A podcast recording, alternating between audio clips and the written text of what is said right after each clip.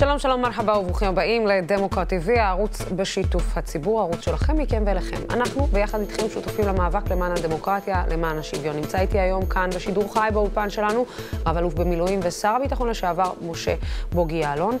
האיש הבולט ביותר בהפגנות ברחבי הארץ למען הדמוקרטיה. אני רוצה להגיד לך ערב טוב, שלום, שלום. תודה שלום, רבה לוסי. שאתה מגיע תודה אלינו. שמארחים אותי. במוצאי שבת אה, תתקיים עוד הפגנה גדולה בתל אביב, וכמובן שאנחנו נהיה שם בשידור אה, ישיר בדמוקרט TV, כמו בכל אה, הפגנה, זה מאוד חשוב לנו להגיד לכם, 14 ראשון, כיכר הבימה, אנחנו נהיה בלייב, את כל הקולות, את כל המאבקים, אנחנו פה. לקראת ההפגנה הבוקר אתה פגשת את הרמטכ"ל, אה, את המפכ"ל, סליחה, של המשטרה, אה, קובי שבתאי, ביחד עם אה, תמיר פרדו ואליעד שרגא. אה, ומיד אה, לאחר מכן אה, יצאה אה, תגובה של השר לביטחון לאומי, איתמר בן גביר, שאומר, לא צריך להיפגש רק עם ראשי מחאת השמאל או המפגינים מהשמאל. קודם כל, מה היה, אם אפשר לדעת, בפגישה, והאם היו אוזניו של המפכ"ל פתוחות, והאם אתה מראשי מחאת השמאל? קודם כל, לוסי, אין לי מילים לתאר את המצב החמור שאנחנו נמצאים בו. זו הסתבכות שמתחילה ללא ספק מזה שמי שמתעקש להיות ראש ממשלה הסתבך בפלילים, מנהל מלחמה נגד המדינה שמאשימה אותו. כל זה כדי לחלץ מספסל הנאשמים. אחת התוצאות זה שכשהוא רוצה לבנות קואליציית חסינות, הוא נשען על החרדים, שבוא נגיד יש להם אג'נדה שלהם, שהוא נותן להם הכל, אבל יש שני גורמים בקואליציה, סמוטריץ' ובן גביר, שתפיסתם בכלל היא מלחמת גוג ומגוג. תפיסה שיש לה תימוכין רבניים, הרב של ברוך גולדשטיין הוא הרב שלהם, הרב של, שהוציא אה, דין רודף ל- לרבין, זה שהמחתרת היהודית רצתה לפוצץ את אה, המסגדים בהר הבית, זו האידיאולוגיה. ונתניהו נותן לאותו בן גביר, שלפני הבחירות הוא לא רצה להצטלם איתו, לא להיות באותו פריים. ואני יודע כמה הוא לא רצה שהוא יהיה חבר כנסת, אבל בסוף הוא צריך אותו בשביל החסינות, אז זה גם נותן לו להיות מופקד על ביטחון הפנים תחת הכותרת השר לביטחון לאומי. ומה שאנחנו רואים בימים האחרונים זה משטרה שמנסים להכפיף אותה לשר שהוא פוליטיקאי. זה לא יכול להיות. הוא מנסה להשוות את זה לכאורה לשר הביטחון. יש הבדל גדול מאוד בין ממשלה שדנה בפעולות, פעילויות, מדיניות ביטחונית, ושר הביטחון מנחיל לצבא, לבין זה שהמפכ"ל צריך להיות עצמאי. מעליו יש שר שצריך לדאוג לתקציבים, והוא לא יכול להפעיל את הכוח. והוא בעצם משנה פה את המשטר. אנחנו הפכנו למשטר דיקטטורי. אני נחשב למתנגד משטר. ולכן אני חושב שמי שמבין את זה, ולא כולם מבינים את המשמעות של המהלכים האלה, שאחד מהם זה מה שפגשתי היום במשטרה. אני שמחתי לפגוש מפכ"ל שמבין את תפקידו, כמובן גם מפקד מחוז. עד עכשיו אפשרו לנו במחאות האחרונות לפעול, כי מחאה היא זכות דמוקרטית, בניגוד למה שהיה בבלפור, ששם הייתה התנהגות של מפקד מחוז שפזל לתפקיד מפכ"ל ונהג באופן לא דמוקרטי. והעימותים שם היו, דרך אגב, לא שהמפגינים תקפו את המשטרה. הוא מדבר, על באיזה מונחים מדבר השר לביטחון לאומי?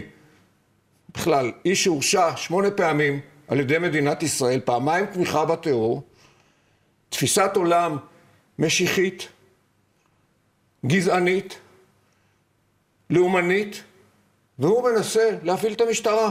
אז על מה הוא מדבר? שמא המפגינים יתקפו את השוטרים. תביא לי דוגמה אחת של מפגיני מחאה, בין אם זה היה נגד נתניהו נגד הממשלה העבריינית הזאת, שתקפו שוטרים. אבל הוא מעצב בזה לשון, שפה, ואז מכתזיות, אולי תכף גם ירצו לראות. אני חושב שהמפכ"ל והקצינים במשטרה מבינים את זה. אני מקווה שהם יעמדו בפרץ, זאת אומרת שזה עמוד שדרה, להתמודד מול דרג מדיני, שכלומר זה דרג מדיני. אני יצאתי באמירה גם, מיד מעוותים את זה, כן? אמרתי, יש פקודות שהן בלתי חוקיות בעליל. יש מערך שיעור כזה בבה"ד 1, יש מערך שיעור כזה במשטרה, ומיד הופכים את זה, קורא לסירוב פקודה. אני קראתי לסירוב פקודה, אל תיתן פקודות שהן בלתי חוקיות בעליל, זה מה שצריך לעשות. אנחנו נמצאים בסחרור, סחרור שבו מאבדים את הכיוון, מאשימים את ראשי האופוזיציה שהם קוראים למלחמת אחים. הם מזהירים מפני מלחמת אחים, אז הם כבר קוראים למלחמת אחים. הטירוף הזה לצערי לא ייעצר עד שנתניהו לא יפנה את מקומו ותקום כאן ממשלה שראש ממשלתה בא לשרת את האזרחים, לא את עצמו, ולא שסדר עדיפויות שלו להימלט מספסל הנאשמים ושהמדינה תישרף. אני רוצה רגע, אני... ת, תס, תזכיר לי בהמשך, אני רוצה לחזור איתך לעניין הזה של בן גביר, ואיך הגענו למצב שהדבר הזה הפך להיות מאוד מאוד כשר, שהשר לביטחון לאומי, אה, איתמר בן גביר, הפך להיות אה, למשהו מאוד כשר בחברה הישראלית, ואף מאוד פופולרי בחברה הישראלית, אבל לפני שאנחנו מגיעים לזה, אני רוצה לדבר איתך על האמירה של חבר הכנסת ותת-אלוף במילואים, אה, צביקה פוגל אמש. בוא נראה מה הוא אמר בריאיון לתאגיד השידור, ונמשיך לדבר. את הארבעה האלה צריך לעצור עכשיו. הם האנשים המסוכנים ביותר שיש כרגע. לא הפגנה, לא דגלים, לא שום דבר אחר. את יאיר לפיד ובני גנץ ויאיר גולן ובוגי צריך לעצור עכשיו? אלה הדברים שאמרת עכשיו? מאיה, זה בדיוק מה שאמרתי עכשיו. הארבעה האלה מדברים עכשיו על מלחמה. לא, כי הם קוראים למלחמה, מאיה. אם הם היו קוראים להפגין, הייתי נותן להם את כל הזכות להפגין. אבל הם מדברים במושגים של אני אויב. הם מדברים בסגנון של מלחמה.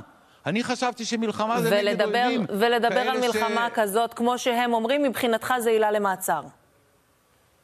מבחינתי זאת בגידה במולדת, אם לא הייתי מספיק ברור. כן, זאת עילה למעצר. אני שמעתי את הדברים האלה כמה פעמים. אה, בוגי, אני יודעת שאתה, אפשר לקרוא לך חייל של המדינה. אפשר, אי אפשר, נכון. אי אפשר לפספס את זה. זה נכון. אה, אחרי שנתת את כל חייך אה, למען המדינה בשלל תפקידים אה, שונים, אנחנו גם מכירים אה, לא מעט שנים. הלכתי איתך גם לכמה וכמה תחנות. אני שומעת את הדברים האלה, ואני לא מצליחה להבין, אם לי קשה לקבל אותם, איך אתה, כשאתה שומע שאתה מואשם בבגידה במולדת, ממישהו שנשא נשק לצדך, אני מניחה, באיזושהי תקופה אה, מסוימת, כשאתה שומע את, את הדברים האלה אה, יוצאים מפיו, מה עובר עליך באותו רגע? אני מתבייש שזה מה שצה"ל הוציא.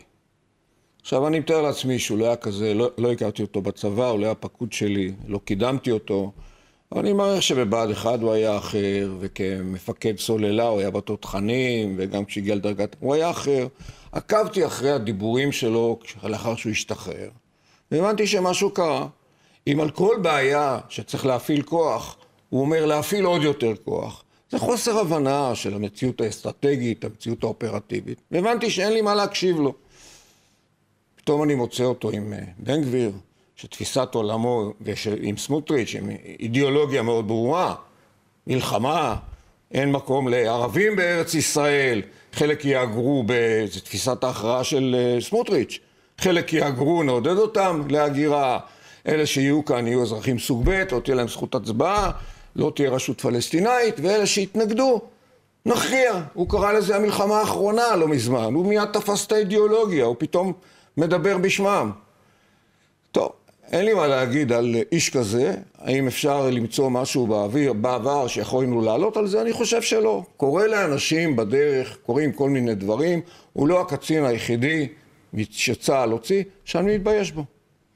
אתה יודע, אני אה, מנסה להבין מה מכאן? זאת אומרת, וגם האם אתה לא חושש, בוגי?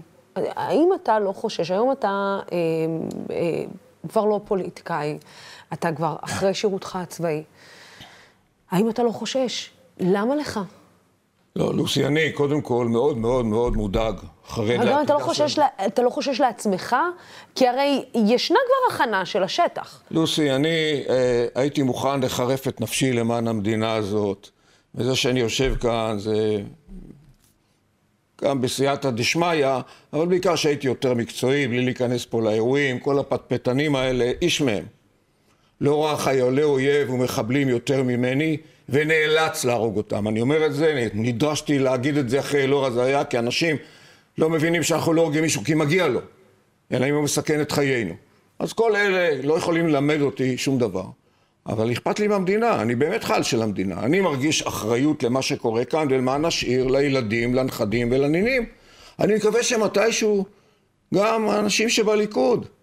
אני לא פונה לכל אחד מהם, אבל איפה דיכטר היה פקוד שלי? היה בסיירת מטכ"ל, היה ראש שב"כ. איפה ברקת? היה מ"פ אצלי בגדוד 890. איפה גלנט? שמעתי אתמול את אה, אבי דיכטר, אה, בוא נגיד מוציא אמירה אה, רפה כזאת של היה אולי עדיף שהדברים לא ייאמרו בצורה הזאת. אני, יקרה לי מה שיקרה לי, אני לילדים ולנכדים שלי אוכל להסתכל בעיניים ולהגיד להם עשיתי הכל כדי שמדינת ישראל תהיה יהודית ודמוקרטית ברוח מגילת העצמאות ולא אתן להם לחרב אותה. והם יצטרכו להסביר את זה. גם גלנט שהיה תחתיי בשלב מסוים, וזה נכון גם לגבי יולי אדלשטיין שאני מאוד מעריך ומנסה להשמיע קול פה ושם, ואולי עוד שיצטרפו, זה לא הליכוד שהצטרפתי אליו. זה ליכוד שעזבתי אותו. איפה בני בגין, איפה אה, דן מרידור, מיקי איתן, רובי ריבלין, לימור לבנת, איפה גדעון סער, אלקין. אנשים שעזבו את זה כי זה הפך למשהו, גם הליכוד הוא בן ערובה. התנועה הזאת היא בת ערובה של מי שהסתבך בפלילים, שבצדק דרש מאולמרט בשלב החקירות להתפטר. כי אחרת אתה תשעבד את האינטרסים הלאומיים לאינטרסים הפוליטיים ההישרדותיים שלך, זה מה שהוא עושה, רק נאה, נאה דורש, נאה לא מקיים. לכן אני אוכל להסתכל למראה יקרה מה שיקרה, הם, לא יודע מה יהיה איתם. בוגי, אבל אתה רואה את מה שקורה כרגע באופוזיציה. בוא נגיד שכשהקואליציה הנוכחית אה, הייתה באופוזיציה, הם לא עשו חיים קלים לקואליציה. ואני רואה עכשיו אופוזיציה, וכולם רואים כרגע אופוזיציה, שקצת נזכרה גם תמיד אומרים מוטב מאוחר מאשר אף פעם לא, אבל נזכרה מאוחר מדי לשלב כוחות, נזכרה מאוחר מדי, רגע, שנייה, להתעורר, כמו שאומרים, על החיים שלה, ולהגיד, אוקיי, קורה פה משהו גדול, ולצאת באיזושהי אמירה מאוחדת, כי זה לא נראה שהם מאוחדים. זה נראה שבני ויאיר וליברמן, וכולם סוחבים עוד, ומרב מיכאלי ואייזנקו, כולם סוחבים כאילו את ה... את ה... אה, נקרא, נקרא לזה קרעי העבר אה, הלא רחוק ממערכות הבחירות הקודמות. אני השתדלתי גם כשהייתי מחוץ לפוליטיקה לעזור לממשלת השינוי. בעיקר להעמיד את ניסיוני, אין חשבונות אישיים, מה יעשו לי, מה ש... לא מעניין אותי, מעניינת אותי המדינה. בסופו של דבר הם נכשלו. בין אם הם לא הגיבו בזמן למכונת הרעל המשומנת, כפי שבנט הגדיר אותה, ועכשיו נזכר לתבוע תביעות דיבה. הרי יש פה מכונת רעל משומנת, שמפיצה שקרים, מעלילה עלילות, נכנסת לתוך תיבות ג'ימל, וזה לא האיראנים, עוקבת אחרי החוקרים, חוקרי המשטרה, כפי שהעיד אלשיך, הם לא, הם מבינים עניין. אף אחד לא טיפל בזה. אני מצר פה גם על מערכת אכיפת החוק. אני חושב שבזבזנו חמש שנים כי מערכת אכיפת החוק לא הפגינה שיניים, בעיקר היועץ המשפטי לממשלה הקודם. וצריך להתעשת. ולכן אני מצפה מהאופוזיציה שיפסיקו להתווכח מראש ממשלה.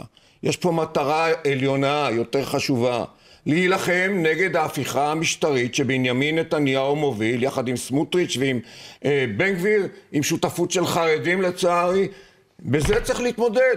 ופה תפסיקו להתווכח על נושא כזה או נושא אחר, גם לאנשי המחאה אני אומר. הנושא העיקרי כרגע זה לעצור את ההפיכה המשטרית. ההפיכה המשטרית הזאת בסוף תפגע בכל אחד מאיתנו. אתם מבינים מה המשמעות שהשופטים ייבחרו על ידי פוליטיקאים? אני הרי מתנגד משטר. אם נגיד יתבעו אותי אפילו בתביעה אזרחית בפני שופט שרוצה להיבחר, לא מדבר, להתמנות, רוצה להתקדם, הוא יפזול לעבר המשטר. הם השפיעו כבר על המשטרה ועל השב"ס במינויים פוליטיים. הצבא עוד שומר על עצמו ככה. מינויים פוליטיים זה אומר שזה מינויים לא מקצועיים. אנשים לא נבחנים על פי הרקורד שלהם, העבר שלהם, ההישגים שלהם. נבחנים על פי, כן, נאמנות למפלגה, למשפחה, תסלחי לי. זה מה שקורה. האנשים צריכים להתעשת, גם האופוזיציה וגם המחאה, לאחד כוחות בכיוון הזה. כשאיתמר אה, בן גביר, אה, והנה אני חוזרת אה, לנושא, שר לביטחון לאומי, איתמר בן גביר דורש לאכוף את איסור הנפת דגלי אש"ף בהפגנות, ובעצם גם להפעיל מכתזיות, ולא ליצור איפה ואיפה בין מפגינים.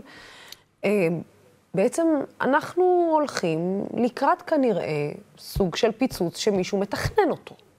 בוודאי, הוא גם מסמן. הרי המחאה היא מחאת השמאל. בסדר, אני שמאלני, גם בוגד, לפי מה שהיה כתוב על בלפור, גם שערורייה. או פגשנו את זה לאחרונה בכנסת. הליכוד בא להפגין, מי זה הליכוד? זה איש אחד עם איזה עוזר שתולים, מה השמאלנים בוגדים? איך אתם נותנים לזה לקרות? אתם יודעים מי היו איתי במחאה?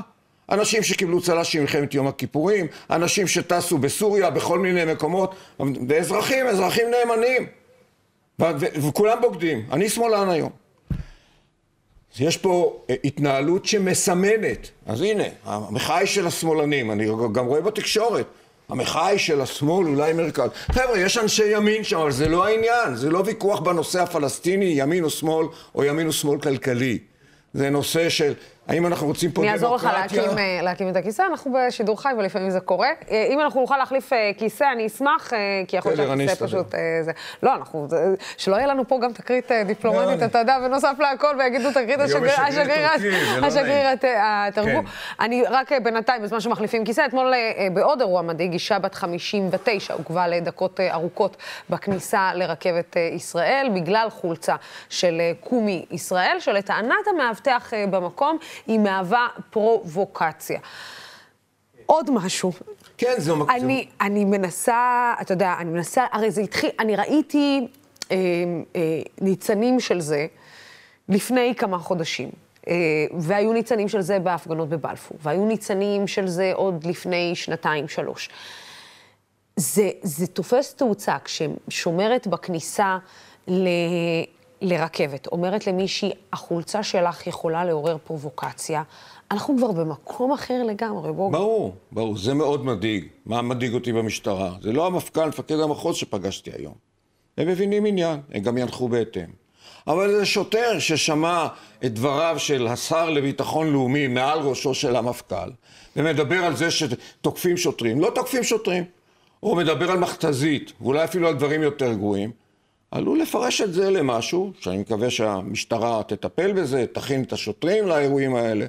עד עכשיו עשו את זה יפה מאוד, אני אומר בשבחה של המשטרה, המחאה בירושלים, המחאה בחיפה, המחאה בתל אביב, שאפו לשוטרים. בניגוד למה שהיה בבלפור, ששם מישהו מהמפקדים רצה להתקדם על חשבון הציבור. הייתה שם התנהגות אלימה, אנשים יצאו פגועים מסוסים, ממכתזיות, מגדרות שדחפו עליהם. מי? אנשים שמה, הפכו, הפכו ניידות, זרקו אבנים על שוטרים. אז מכניסים פה לשון, שמאל. מה זה שמאל? זה בוגדים, הנה, שמעת, אני בוגד. צריך להפעיל מכתזיות, המפגינים יעלו עליכם. זה שיח שיכול לחלחל למטה, וזה קרה כנראה גם ברכבת. מזה אני מאוד מודאג. אנשים שבסוף קולטים מסרים והופכים אותם לפעולה. אתה שם לב, אה, אתה יודע, אני, אני רואה גם את ההשתוללות אה, ביהודה ושומרון. ו... ובגדה המערבית. בשנתיים האחרונות אני גם רואה עלייה, וגם אמרו שבשנה האחרונה, לפחות על פי, אה, אה, על פי בדיקה שנערכה, נהרגו יותר פלסטינים בעימותים עם אה, צה"ל. יש יותר אירועים חריגים בין מתנחלים לבין פלסטינים שאין להם שום קשר ל- להיות חמושים או לא. ואני שואלת את עצמי, האם לא היה רפיון בהיבט הזה.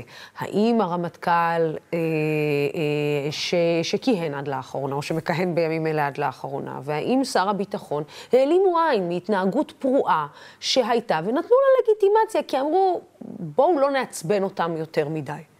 אני בטוח שהרמטכ"ל לא העלים עין, אבל להגיד לך שאין רפיון, אני משוכנע שיש רפיון.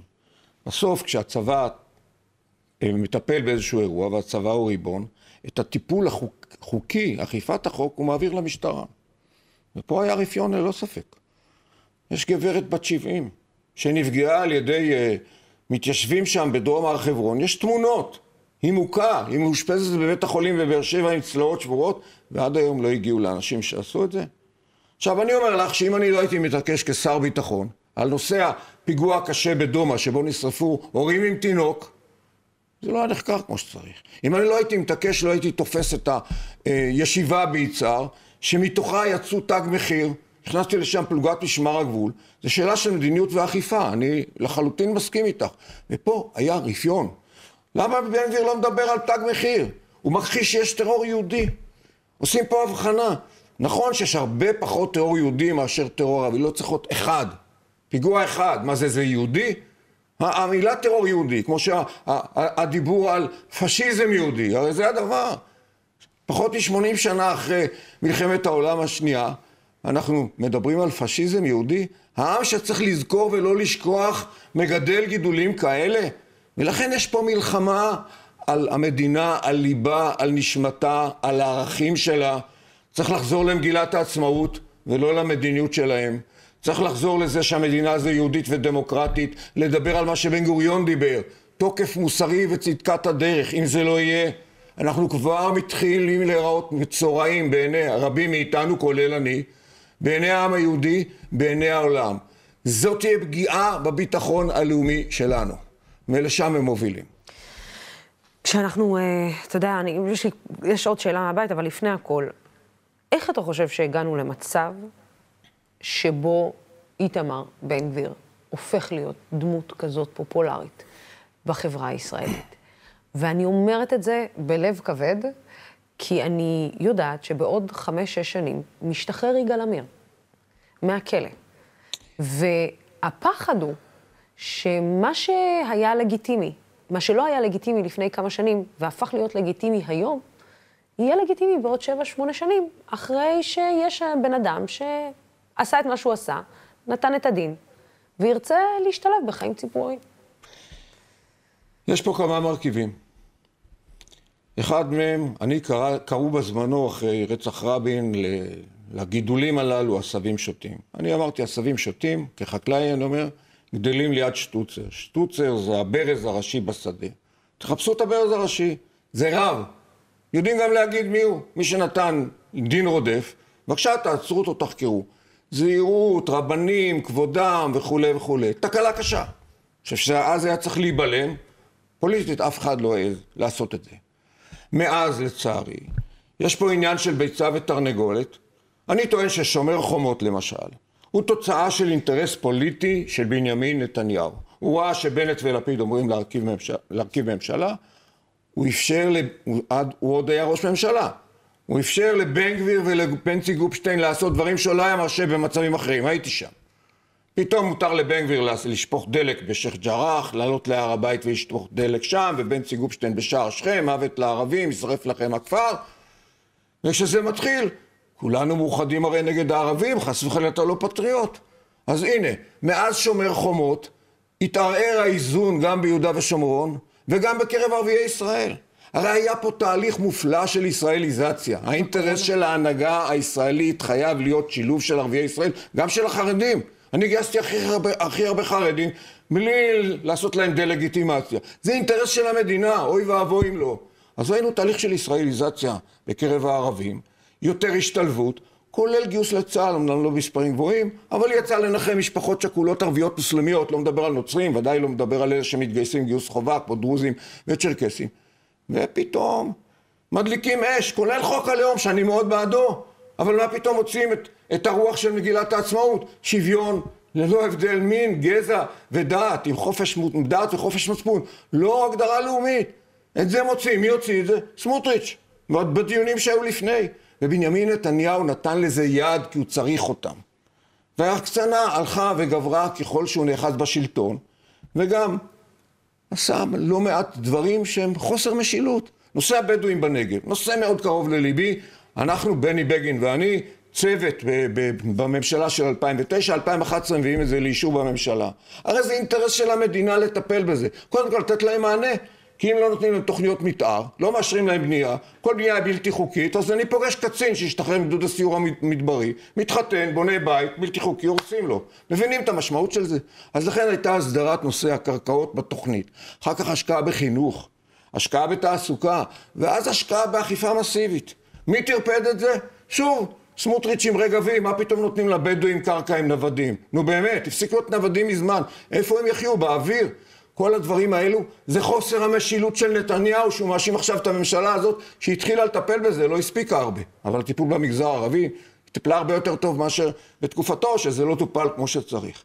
וברגע שיש סוף סוף מנהיג ערבי כמו מנסור עבאס שקם ואומר אני מבין שאני חי במדינה יהודית ודמוקרטית. אותי מדאיג האוכלוסייה שלי אני רוצה לדאוג לה. אז כשהוא מצטרף לבנט ולפיד אחרי שהוא ניסה נתניהו להכניס אותו אליו כמובן פתאום הוא הופך להיות תומך טרור, הממשלה הזאת משועבדת לערבים, כתוצאה מזה היא לא פועלת, היא פעלה בביטחון יותר טוב מאשר נתניהו, בעזה חד משמעית. בכלל במדיניות הביטחון נהגו באחריות. ראינו פה ממשלה סוף סוף שמתנהגת כמו ממשלה, תקציב מדינה, את הכל הוא שאיבד לאינטרס שלו להימלט מספסל נשמים, לצערי, הוא הצליח. ואז הוא צריך את בן גביר, הוא נותן לו לגיטימציה. הוא מפעיל טרור פוליטי, הוא מפעיל הרבה דברים. יש פה הרבה דברים שנכנסו לסחרור, אנחנו בסחרור. כנראה שאנחנו צריכים משבר, ויהיה משבר. אה, אנחנו ככה נישאר ושום דבר לא יקרה. תהיה הסלמה ביטחונית, אני אומר, תהיה. אני רואה את זה לנגד עיניי, זה כתוב על הקיר, כי עם העליות האלה, עם המשחקים האלה של בן גביר וסמוטריץ', תהיה הסלמה ביטחונית, נשלם עליה מחיר. כמובן יאשימו מיד את הערבים. וגם, לצערי, גם תהיה, תהיה פגיעה בנו, בכלכלה. הייטקיסטים מבינים את זה, עצירת השקעות. למה עוצרים השקעות? כי לא בטוחים מה יהיה כאן. מדינה שהופכת למצורעת. את יודעת מה הגן עליי כשאני, האשימו אותי בעולם בתעמולה שקרית שאני פושע מלחמה? בית המשפט העליון הגן עליי. זה שהמערכת הבינלאומית מבינה שיש פה מערכת משפטית עצמאית, עצמאית. ושאפשר לסמוך עליה, זה יגן עליי בכל מיני תביעות. אם זה לא יהיה, אוי ואבוי. אם לא תהיה פה שוויון בפני החוק, כי השופטים ייבחרו על ידי פוליטיקאים, חס וחלילה, אז כל אחד שיצטמן כמתנגד משטר, ביקורתי למשטר, עלול להיפגע. זה נשמע כמו בדיקטטורות, זו דיקטטורה, זה מה שיהיה. לכן אני חושב שהציבור חייב להתעורר. גם הפוליטיקאים, אבל בעיקר הציבור. לפוליטיקאים יהיה קשה בכנסת, הם במיעוט. אני לא רואה אותם גוברים במצב הנוכחי, אלא אם כן יהיו כמה שיתפסו את עצמם מהליכוד ויבינו שצריך להציל את המדינה. אבל המחאה, המחאה הפילה את נתניהו בפעם הקודמת, המחאה תפיל אותו הפעם, והיא תלך ותגבר. אתה יודע, אני שמעתי את uh, אותו צביקה, צביקה פוגל אומר, uh, ששאלו אותו באחד הראיונות לגבי חשש מחיי אדם, uh, מסיכון חיי אדם, הוא אומר, בסדר, אז, אז, אז עדיף לסכן חיי אדם מאשר להגיע לכך וכך וכך. ואני שואלת אותך, אתה לא חושש מהרצח הבא? בוודאי שאני חושש. הרי ההתלהמות פה וההסתה פה, היא לא מתחילה מהיום. לצערי, הממשלה הזאת, נתניהו בנה את הכוח הפוליטי שלו על קיטוב, פילוג והסתה. זה יהודים ערבים, זה ימין שמאל, כן, הכל מתויג עכשיו שמאל. אני בא בהפגנה, אני פוגש לא מעט אה, רוויזיוניסטים, שמאל, והשמאל הוא בוגד, מה עושים לבוגדים? אמר צביקה פוגל. זה יהודים בינם לבין עצמם. אשכנזי ולא אשכנזי. תראי איך, משחקים עם זה. לא שאין משקעים מן העבר. תפקידה של הנהגה זה לטפל בצלקות ולא לפתוח אותן ולהתחיל להפריש מהן מוגלה, כמו שאנחנו רואים, איך הנושא הזה פתאום עולה לסדר היום. יש בעיה של פער בין פריפריה ומרכז, בין עשירים לעניים? מה נתניהו עשה בשביל זה? אני כשר ביטחון השקעתי מיליונים בהנגשת הסייבר לפריפריה. מה הוא עשה בשביל זה? אז אומרים ישראל הראשונה, שנייה, מה, אני נולדתי עם כפית זהב בפה? אני בן של פועל. אבל הבנתי שאני מתגייס למדינה, והמדינה נתנה לי הזדמנות, היא נותנת הזדמנות. מה, אין לנו רמטכ"לים, לא אשכנזים, שבאו מבתים שהם לא עם כפית זהב? מה עושים פה למדינה הזאת? אנחנו הצלחנו לבנות פה משהו שהוא נס. לא, הוא הולך אה, להרוס אותו. לא, אותם רמטכ"לים אה, פשוט אה, הם קורבנות של ההגמוניה. כמו שאומרים אחרים במקומות אחרים. יש לנו שאלה מהבית, גם בשבילך, מאחת השותפות שלנו, אביגיל בן שחל מהרצליה. בוא נראה. היי, אני אביגיל, ואני בוגרת מכינת רבין. אני ממש מודאגת מהמצב שהמדינה שלנו נמצאת פה, ומהרפורמות החדשות שהממשלה מנסה לקדם. ולכן גם רציתי להפנות אליך שאלה. הייתי במוצאי שבת בהפגנה בתל אביב, וראיתי איך בתוך הפגנה שהגיעו לה עשרות אלפי אנשים ואזרחים מודאגים כמוני, היה פיצול לשני מאבקים שונים. ורציתי לשאול אותך, מה אתה חושב על הפיצול? מה אתה חושב על הפיצול של שני המאבקים השונים? או האם ש... בסופו של דבר זה אני, מאבק אני, אחד? אני מצר על זה שקודם כל, בשבת האחרונה, מי שהשתלט לנו על כיכר הבימה זה מישהו מחדש. ומצאנו את עצמנו במצב שבאירוע שאני לא מסכים איתו, בסדר? הוויכוח עכשיו צריך להיות על מה שקוראים די לכיבוש, להסתכל בכיבוש בעיניים, זה העניין. בואו נפתור את העניינים קודם כל אצלנו, על דמוקרטיה, על ערכים. אחרי זה נדבר על זה. אני אמרתי את זה גם בכחול לבן. כחול לבן היו דעות שונות. אמרתי, רבותיי, צריך ליצור אלטרנטיבה שלטונית, שתחליף קודם כל את נתניהו. איתו על המגרש, תנאי הכרחי גם אם לא מספיק, אי אפשר, צריך להזיז אותו. ואז נתווכח אחר כך על כל מיני, על הכלכלה, למרות שהכנו תוכניות, תוכניות רב-שנתיות, אני עמלתי על זה בעצמי, תוכנית עשר שנים, מה שלצערי אצל נתניהו אין דבר כזה, תוכנית רב-שנתית. הנושא הישראלי-פלסטיני זה הנושא עכשיו. ואני יודע שיש אנשים שחושבים אחרת. אני חושב שפה כל אנשי המחאה, שמבינים את גודל האירוע, ולא מנסים למשוך אותו לכיוון שאיימן עודה ניסה למשוך אותו בשבת האחרונה, צריכים להיות מאוחדים. ואני אומר לך, רוב ארגוני המחאה, שזה באמת רוב ארגוני המחאה, יחד עם התנועה לאיכות השלטון, פועלים כרגע גם בערוץ המשפטי, בהובלת התנועה לאיכות השלטון, וגם בערוץ המחאה. אני מאמין בזה, כי לא יכול להיות שזה יימשך. פשוט לא יכול להיות. ויותר אנשים יצאו, ככל שיותר אנשים יצאו, תתקצרו ימיה של הממשלה. אבל אתה מבין שברגע שמנסור עבאס קורא גם לחברה הערבית לצאת אה, אה, ולהיות חלק מההפגנות. זאת אומרת שהוא יהיה שם, זאת אומרת שגם חלק מהערבים, שרואים את עצמם כפלסטינים, כישראלים, כמה שזה, ויניפו אולי את הדגל של התנועה האסלאמית, יניפו אולי דגל של, של פלסטין, יניפו דגלים כאלו ואחרים. זה הרי בסוף, בוגי, אתה ואני יודעים שלא משנה מה, גם אם לא היה דגל אחד אה, של אש"ף, זה לא היה גורם להם לקבל, לצד השני, לקבל את המחאה הזאת בשום צורה שהיא. תראי, אני חושב שקודם כל מנסור עבאס הודיע שהוא יגיע, הוא יהיה ברוך, הוא יהיה מבורך. ואני יודע את תפיסת עולמו, יש לי איתו הרבה שעות. איימן עודה לא מכיר במדינה יהודית דמוקרטית, שזה נוסחת הבסיס שלנו. אז להגיד שכל הערבים אותו דבר, לא. יש כאלה שעדיין חותרים תחת נקודת היסוד שהבית זה הבית הלאומי של העם היהודי. אז על זה עכשיו נתווכח. מנסור עבאס יהיה מבורך כשהוא יגיע למחאה, כי אני מכיר את תפיסת עולמו. וערבים מוזמנים, וערבים מכירים אותי, כי כשאני יצאתי לפוליטיקה, הלכתי אליהם, בכפרים, בערים. אמרתי, חבר'ה, אני מכיר את הבעיות. בואו נטפל קודם כל באלימות. אתם סובלים מזה, בחוסר כבוד לחוק, השקעות בחינוך וכן הלאה, נשק, שאתם משלמים על זה מחירים. אני, יש לי חברים ערבים שאני שומע מה קורה אצלם, ביישובים. זו מטרה משותפת. להתחיל לפתוח עכשיו, האם זאת תהיה מדינה יהודית או לא מדינה יהודית, לא בבית ספרי. זו לא המחאה, זה לא המקום לאנשים האלה במחאה, והם רק מקלקלים, ואת זה מנצל הצד השני. דגל אחד של אש"ף שהונף במחאה, מיד מנצלים אותו, אה, שמאלנים, אש"ף וכולי. אגב, אני חושב שהמפכ"ל נתן תשובה טובה לשר לביטחון לאומי, קשה לי להוציא את המילים הללו, נשמע יותר כמו כאוס לאומני מאשר ביטחון לאומי. אמר לו, אתה רוצה שלא יניפו דגלים? זה לא בניגוד לחוק. אתה רוצה, תחוקק חוק. יש פה בעיה, הם עוד יחוקקו כל, כל מיני חוקים שיגידו שזה חוקי.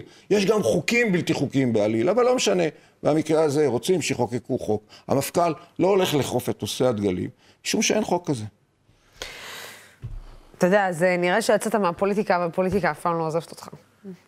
הלוואי והפוליטיקה הייתה מסתדרת בלעדיי, אבל מדינת ישראל יקרה לי יותר מדי, ועתידה יקר לי יותר מדי. בשביל זה באמת התגייסתי בשנת 68, ומאז אני חייל, בין אם זה במדים, בין אם זה לא במדים. ובכל מקום שאני יכול להשפיע, כל עוד כוחי במותניי, ואני אוכל להסתכל על עצמי במראה, והילדים שלי והנכדים שלי יוכלו להגיד, כן, ישאלו אותי איפה היית בימים האפלים הללו, אני ארגיש שלם עם עצמי. אנחנו uh, יכולים uh, להיות עדים uh, לדברים האלה, כי אנחנו רואים אותך כמעט בכל הפגנה, אם לא בכל הפגנה, מגיע ראשון ו... ולא מחכה שיגיעו אה, מיליונים או עשרות אלפים לכל הפגנה. אה, בוגי יעלון, תודה רבה לך על השיח המאוד חשוב הזה. ואני קורא לאנשים לבוא, מוצאי שבת. הפגנת שבת. הכוח של האזרחים מאוד חשובה. כן, אנחנו כמובן אה, גם בדמוקרט TV נהיה שם, וגם נהיה שם אה, פיזית. אה, תודה רבה לך, משה בוגי יעלון. תודה רבה. לצופים ולשותפים של דמוקרט TV. הערוץ הזה אפשרי רק בזכותכם ובזכותכן. אנחנו ממשיכים כאן לשמור על הדמוקרטיה, על שלטון החוק, ממשיכים עם המאבק בשחיתות ודואגים לשמוע מגוון של דעות. אנחנו נתראה בשעה שש בריאיון עם דיקן הפקולטה למשפטים באוניברסיטת תל אביב על המחאה נגד הרפורמה של השר יריב לוין. סלמת בינתיים.